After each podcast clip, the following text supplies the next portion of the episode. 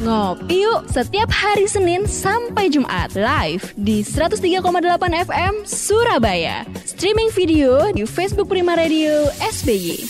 Ngopi, ngobrol inspiratif pagi. Selamat pagi, good morning sahabat Prima. Di Ngopi Ngobrol Inspiratif Pagi bersama saya Ira Nathanael, saya juga menyapa apa kabar nih rekan Roll FM Padang Sidempuan.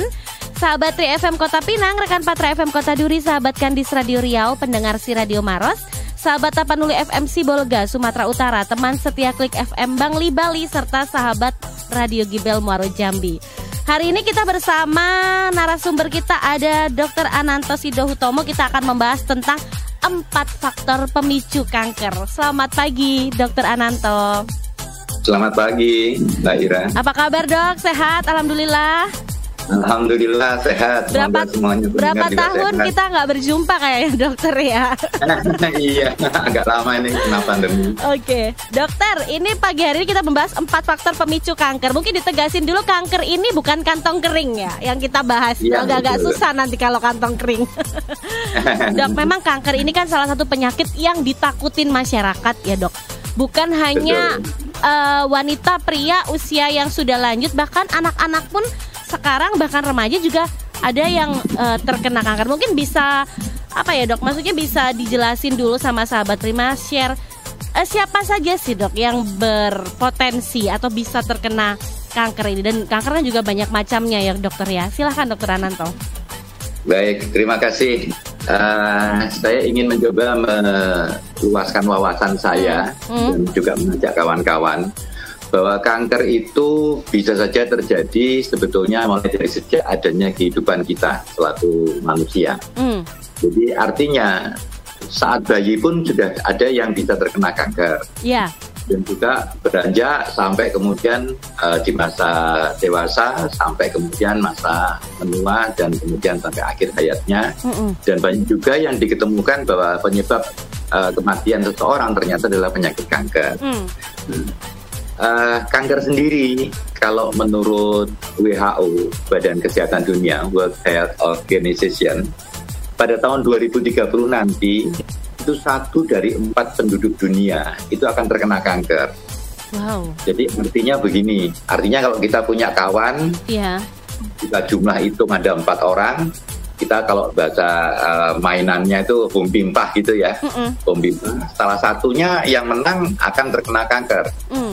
Satu dari empat orang penduduk dunia kan memenuhi kriteria itu. Mm-mm. Tetapi ketika kita pulang ke rumah, kita tahu bahwa di rumah itu yang ada adalah suami, istri, rata-rata dua anak Dua atau anak. tiga anak. Itu empat orang Gitu juga. ya.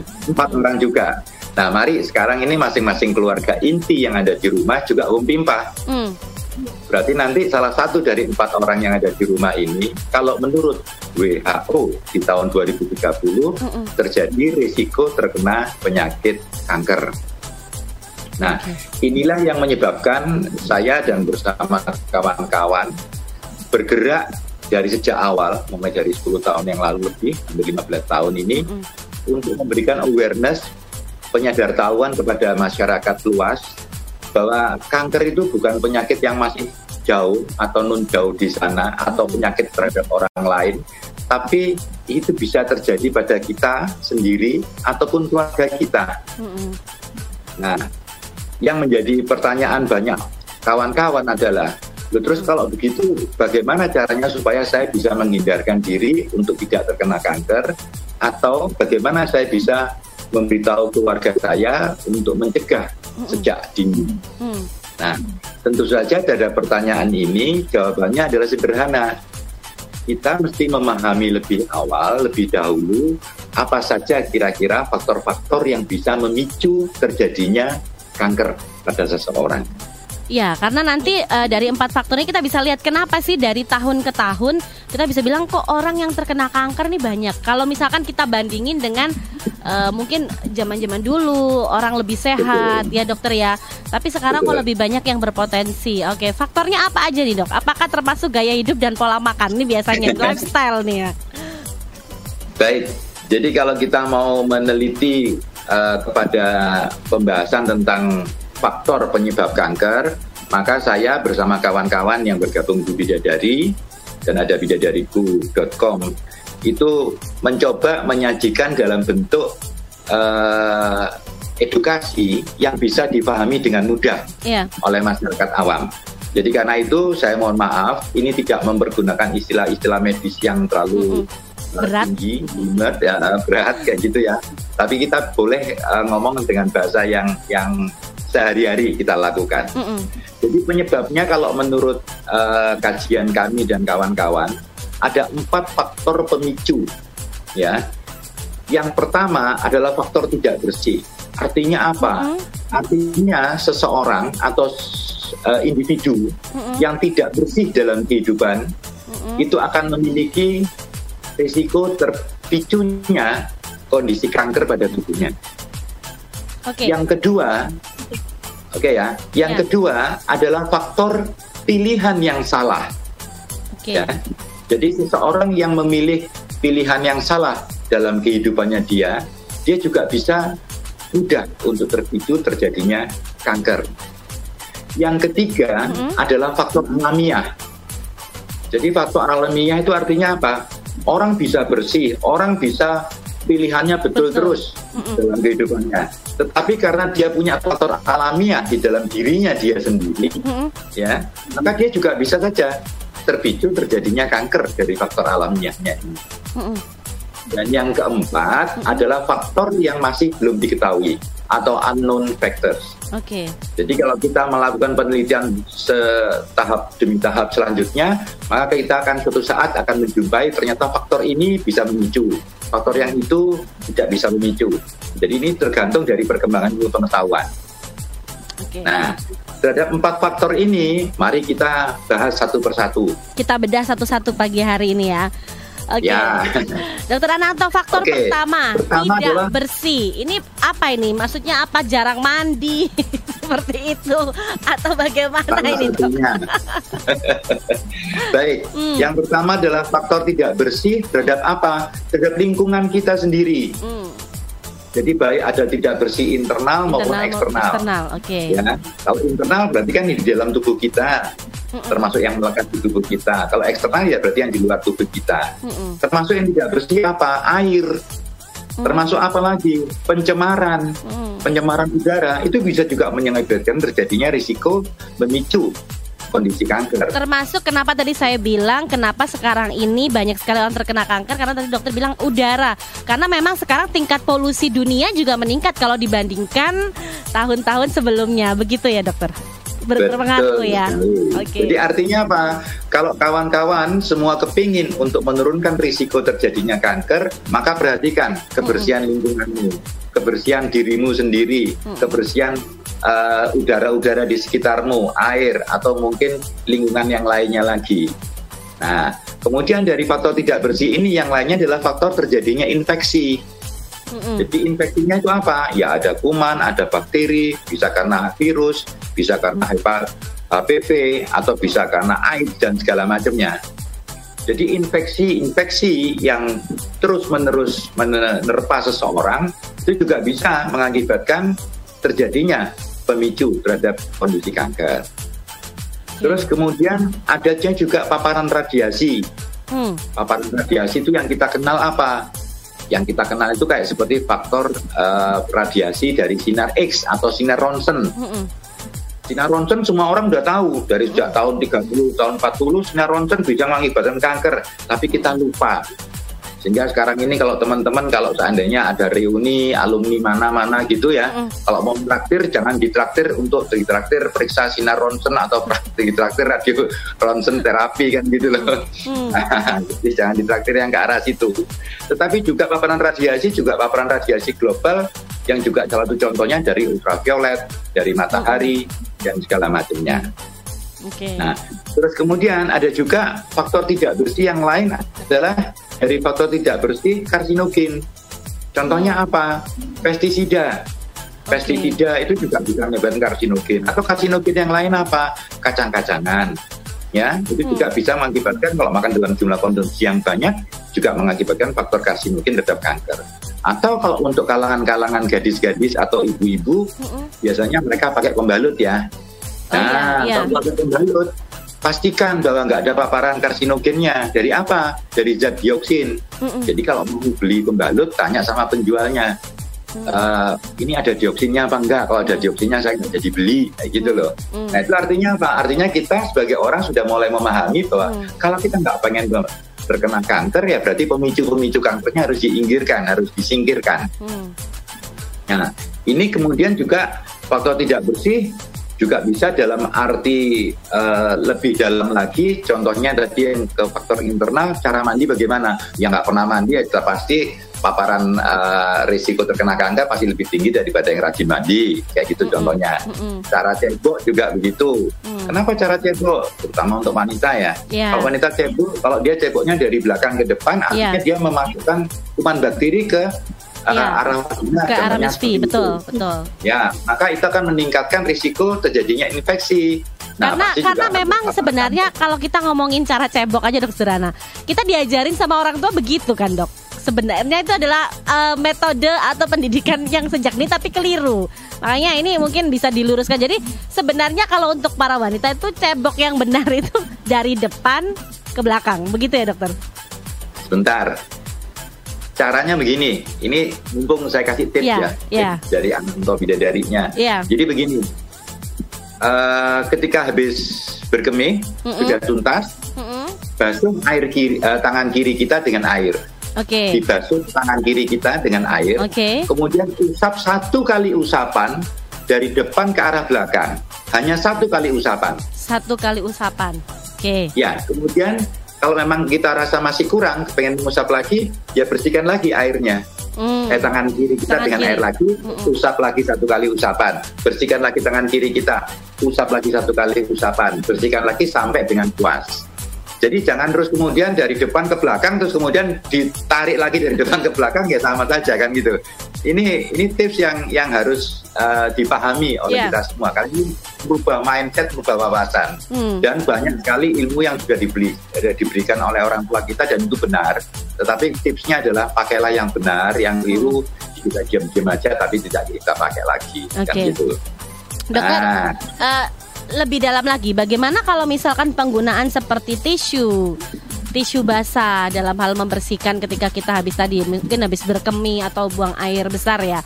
Kan memang sekarang eh, sudah teknologi juga semakin canggih, pilihannya banyak. Ada yang pakai eh, tisu, tisu basah. Ini bagaimana dok? Kalau penggunaan seperti itu, apakah juga dibilang relatif aman? Ya, jadi tisu yang dipakai untuk membersihkan organ intim seyogianya adalah tisu yang tidak mudah seratnya tercabut atau seratnya istilahnya itu brodol, terurai, Hmm. ya. Jadi memang ada tisu toilet. Hmm. Jadi tisunya memang agak tebal, ya. Mungkin juga agak mahal, Hmm. tapi itu tisu yang lebih aman karena apa? Tidak ada serat-serat tisu yang akan tercerabut dan kemudian akan tertinggal di organ intim wanita. Hmm. Nah, ini harus diperhatikan. Apakah boleh? Boleh. Hmm. Tapi yang mengandung air saja atau kalau memang tisu basah yang mengandung cairan air saja. Hmm. Tidak perlu yang mengandung alkohol atau ada parfumnya. Hmm. Gitu. Oke.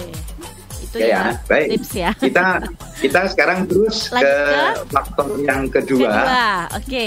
adalah faktor pilihan yang salah dalam keseharian hidup kita. Nah, ini bukan hanya soal memilih pasangan hidup ya. Ini pilihan apa aja dok yang bikin bikin kita Betul. bisa resiko kanker nih. Jadi kawan-kawan ada juga yang yang memberitahu bahwa Dokter Ananto, ini kalau masalah seperti ini namanya tidak termasuk dalam lifestyle ya boleh Hmm. lifestyle. Jadi Hmm. kalau kita lifestyle kita keliru, itu kita bisa juga memicu terjadinya risiko kanker pada diri kita. Iya, iya. Nah, apa saja faktor-faktornya? Yang pertama adalah trauma.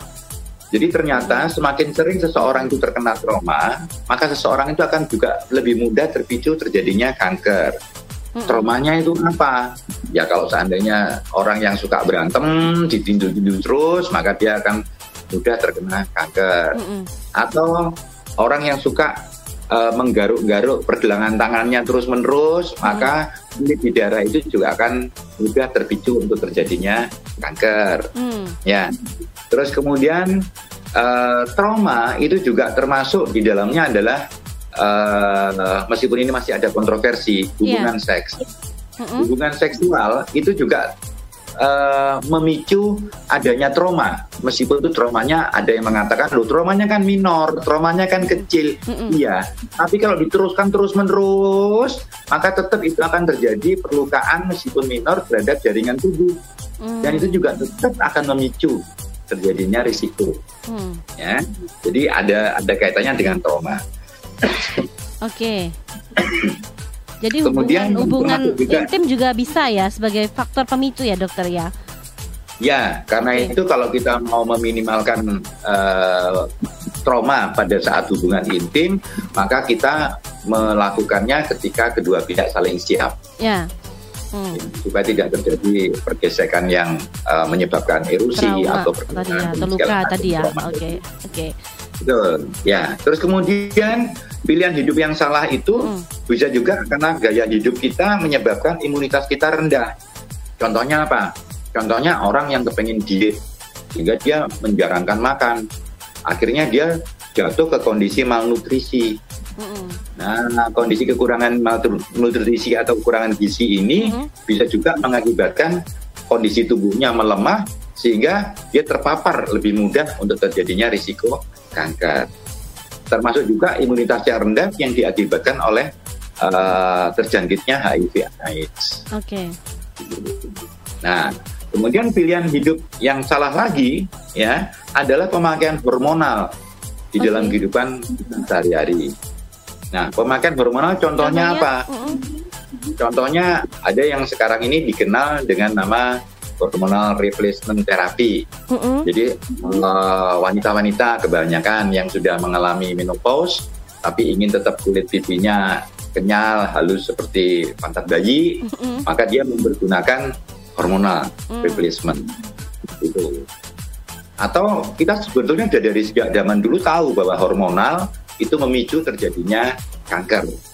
Hmm. Tetapi kita juga harus tahu bahwa kita sendiri kadang-kadang secara tidak sadar memasukkan hormon ke dalam keluarga kita. Hmm. Contohnya seorang suami yang tidak aware, tidak sadar tahu, maka dia menyuruh istrinya untuk melakukan eh, hormonal di dalam menjarangkan kelahiran, contohnya seperti Iya, itu. iya. Dan dia tahu bahwa itu adalah memicu terjadinya kanker. Jadi bagaimana? Apakah tidak boleh kontrasepsi dengan cara hormonal? Boleh, tetapi ada tata caranya itu. Contohnya tata caranya apa? Contoh tata caranya adalah lakukan hormonal kontrasepsi selama satu tahun, kemudian lakukan pap smear. Hmm. Untuk apa? Untuk mengetahui seberapa besar kerusakan yang ada di dalam serviksnya. Nah, kemudian dikasih jeda selama satu tahun untuk apa? Memulihkan jaringan-jaringan yang ada di dalam serviks. Hmm. Kemudian tahun depannya dilakukan pap smear lagi untuk melihat apa? Untuk melihat kondisinya bahwa oh ternyata jaringannya sudah pulih nih. Iya, iya. Kalau begitu boleh lagi lah pakai hormonal lagi gitu loh. Mm-mm. Jadi menyikapannya seperti itu. Oke. Kemudian pilihan yang salah yang lainnya lagi adalah ketika seseorang sakit lalu kemudian tidak berobat sampai dengan tuntas. Hmm. Ya. Maksudnya ini berobat Jadi- berobat apa pun ya dokter?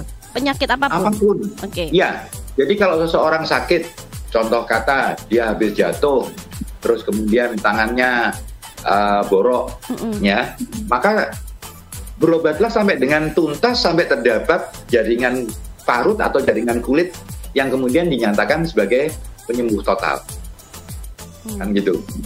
Jadi jangan terus kemudian kalau borok dibiarin sampai berbulan-bulan nggak sembuh-sembuh. Nah maka dari borok itu juga bisa mengakibatkan terjadinya pemicu untuk reaksi kondisi kanker tersebut. Oke. Gitu. Terus kemudian eh, yang terakhir dari pilihan yang salah Mm-mm. adalah kelompok makanan dan minuman yang buruk. Nah ini, ini dok, banyak ini ya. Hmm. ya, jadi orang-orang mengatakannya junk food. Mm-mm. Tetapi sebetulnya kita lebih baik untuk lebih banyak belajar dan membaca. Sebetulnya tubuh kita ini cocoknya makan seperti apa sih? Hmm. Contoh, contoh yang sederhana yang yang jarang kepikir adalah kita butuh protein. Mm-mm. Maka yang ada di dalam pikiran kita selalu apa? Selalu protein hewani. Padahal daripada waktu SD kita sudah dikasih pelajaran bahwa protein itu ada dua macam, yaitu protein hewani dan protein nabati. Nabati. Ya, dan protein nab- nabati itu lebih menyehatkan untuk tubuh kita. Mm. Nah, ini cocok nih kalau di masa pandemi. Daripada kita uh, berburu protein hewani seperti daging sapi, mm. daging uh, ayam dan yang yang agak mahal-mahal itu, mm. maka kita bisa pakai protein alternatif dari nabati. Mm. Apa itu? Tempe, tahu. Mm. Nah, jadi kalau ada orang-orang yang dulu mengatakan generasi nenek moyang kita bangsa Indonesia itu yeah. generasi tempe karena yeah, apa tahu makanannya tempe. tahu tempe yeah. kayak gitu yeah. tapi kita bisa juga melahirkan gajah mada yeah. yang menguasai seberapa persen dari dunia kan gitu loh karena apa karena mereka nggak kurang protein bahkan mereka lebih cerdik dengan memanfaatkan protein nabati tersebut. Dan orang dulu nah, umurnya lebih lama ya dok, lebih panjang daripada sekarang. Betul. Dan penyakit okay. kanker sedikit. Oke, okay, penyakit gitu. kanker sedikit, betul betul. Karena okay. tadi nah, faktor nah, tadi ya, pilihan yang salah tadi ya. Betul. Yang ketiga adalah faktor alamiah. Oke, dokter faktor tahan dulu untuk faktor ketiganya. Oh, okay. Nanti kita masuk segmen kedua ya.